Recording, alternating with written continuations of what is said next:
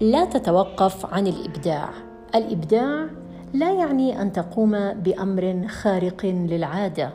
الإبداع قد يكون في أبسط الأمور التي تتحول إلى أمر عظيم.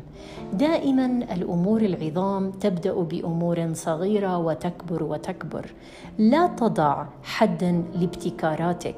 لا تسمح لأي أحد بأن يقول لك بأن لا تفعل لأنه بالحقيقة هو من لا يستطيع أن يقوم بما أنت تريد القيام به.